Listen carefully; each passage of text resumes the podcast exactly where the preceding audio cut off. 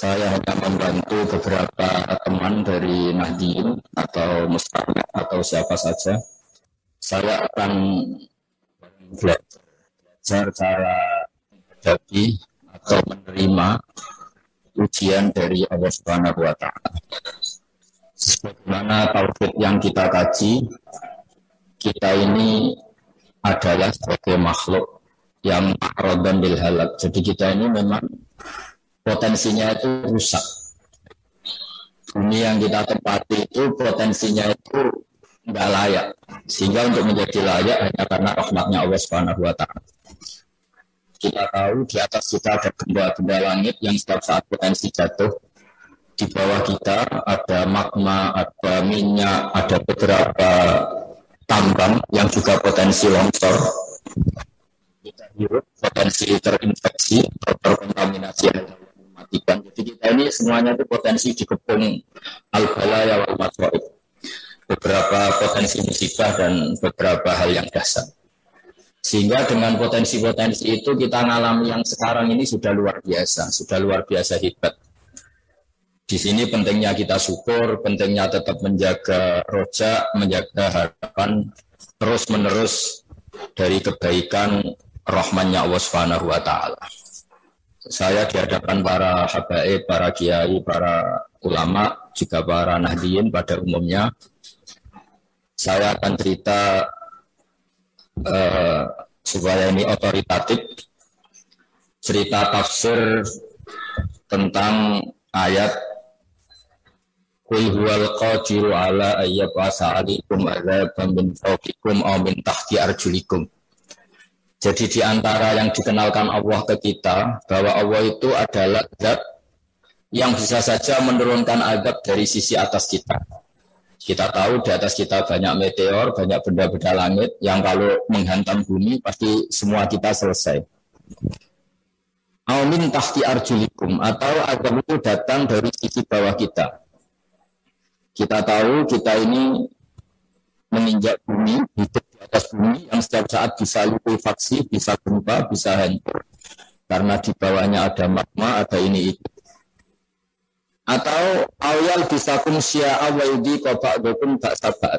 Atau karena kita ini masuk sosial, yang kadang beda madhab, beda pikiran, beda politik, beda pilihan hidup, potensinya itu gesekan. Dan kalau gesekan ini bisa yudi qaba'dukum sabat, bisa saling bentrok.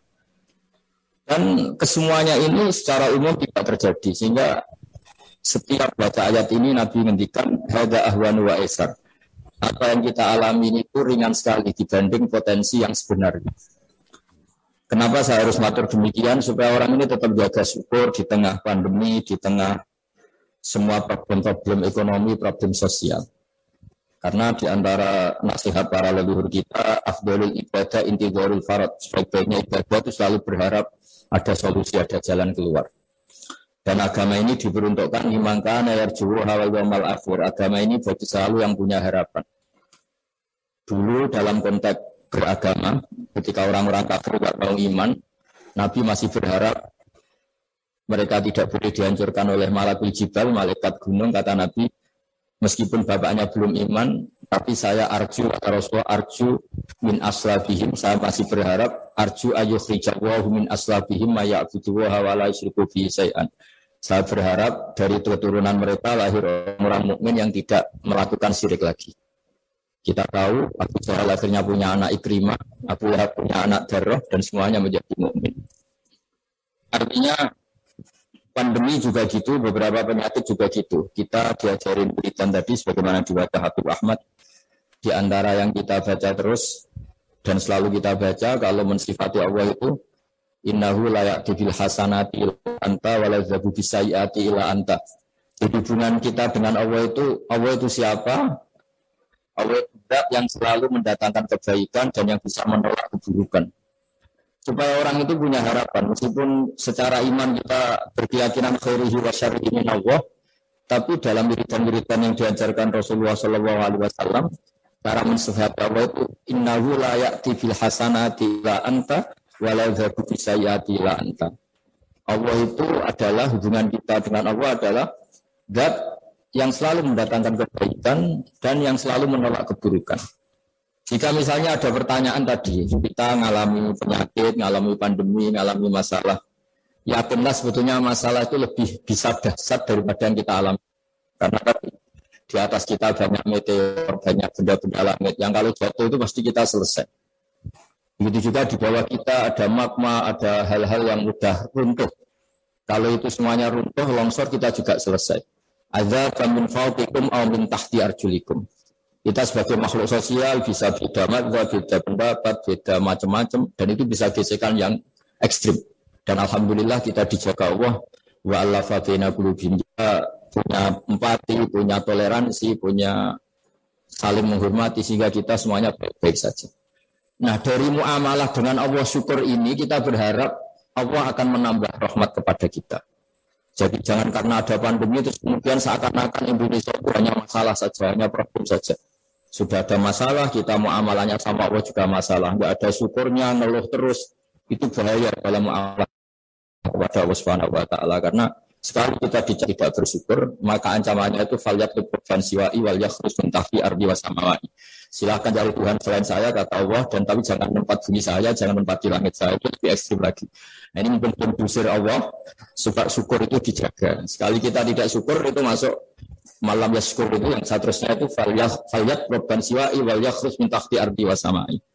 Nah tentu setelah kita syukur atas semua yang diberikan Allah Ta'ala, nikmat iman, Islam dan sehat, juga nikmat muamalah dan muasyarah juga belajar sama tadi sama Habib Ahmad, sama beberapa tokoh PBNU, juga sama guru-guru kita, juga terus berdoa.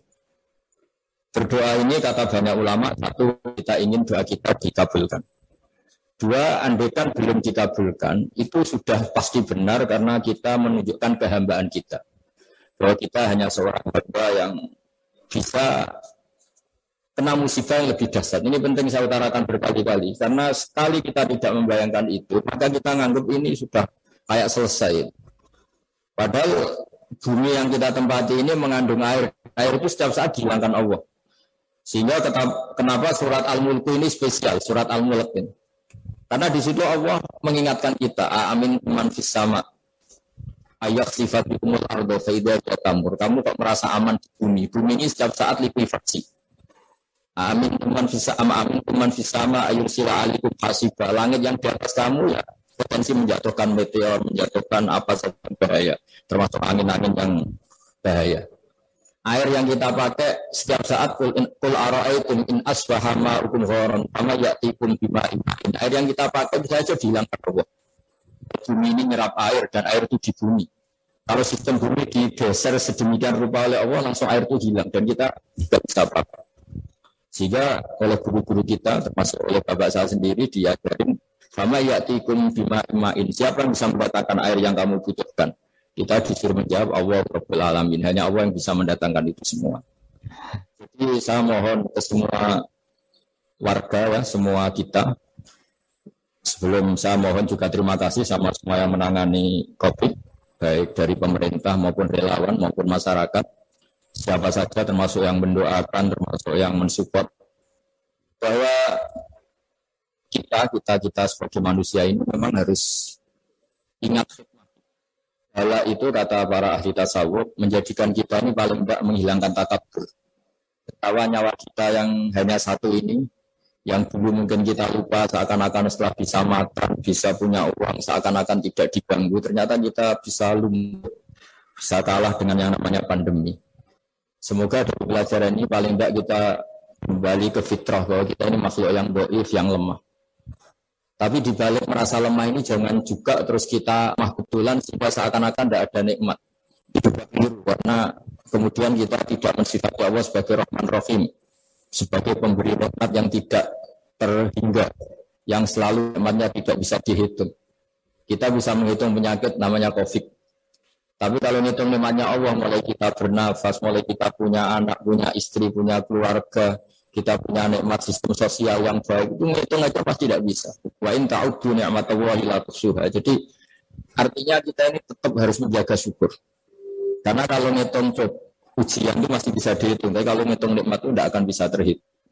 Jika saya berharap dari barokahnya berpikir positif ini, Allah akan membuka jalan untuk semuanya kita akan lebih baik, lebih kuat dan lebih bermartabat, lebih manfaat.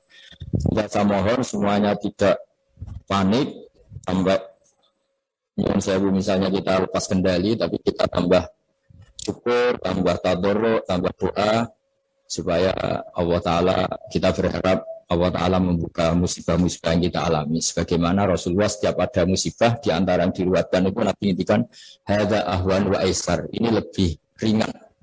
Tanyakan pakar-pakar meteorologi. Di atas kita itu benda-benda yang potensi jatuh dan semuanya selesai kalau itu jatuh.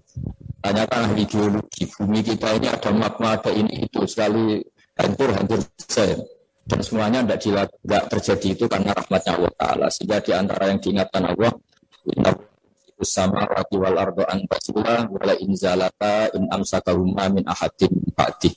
Bahwa sistem alam ini begitu hebat, begitu zalul, waladhi ja'ala lakumul ardo darulan, ini semua karena rahmatnya wa ta'ala. Bumi yang ada magmanya bisa kita tempati. Bumi yang atasnya ada meteor bisa kita nikmati, karena nggak dijatuhkan meteor itu oleh Allah ta'ala. Sehingga saya berharap dan sangat-sangat berharap jaga syukur, jaga iman, jaga rasa empati, rasa sosial, sehingga kita insya Allah dapat rahmatnya Allah Ta'ala. Karena di antara pesannya Nabi, Ar-Rahimu yarhamuhumur rahman, irhamu man fil ardi yarhamkum man fis sama. Jaga empati, jaga sayang, rasa sayang, rasa iba, rasa sosial, sehingga barokah itu irhamu man fil ardi yarhamkum man fis sama. Barokahnya kita punya empati, punya sayang, insya Allah kita di, uh, dianugerahi oleh Allah Ta'ala. Uh, sekian dan mohon maaf Assalamualaikum warahmatullahi wabarakatuh.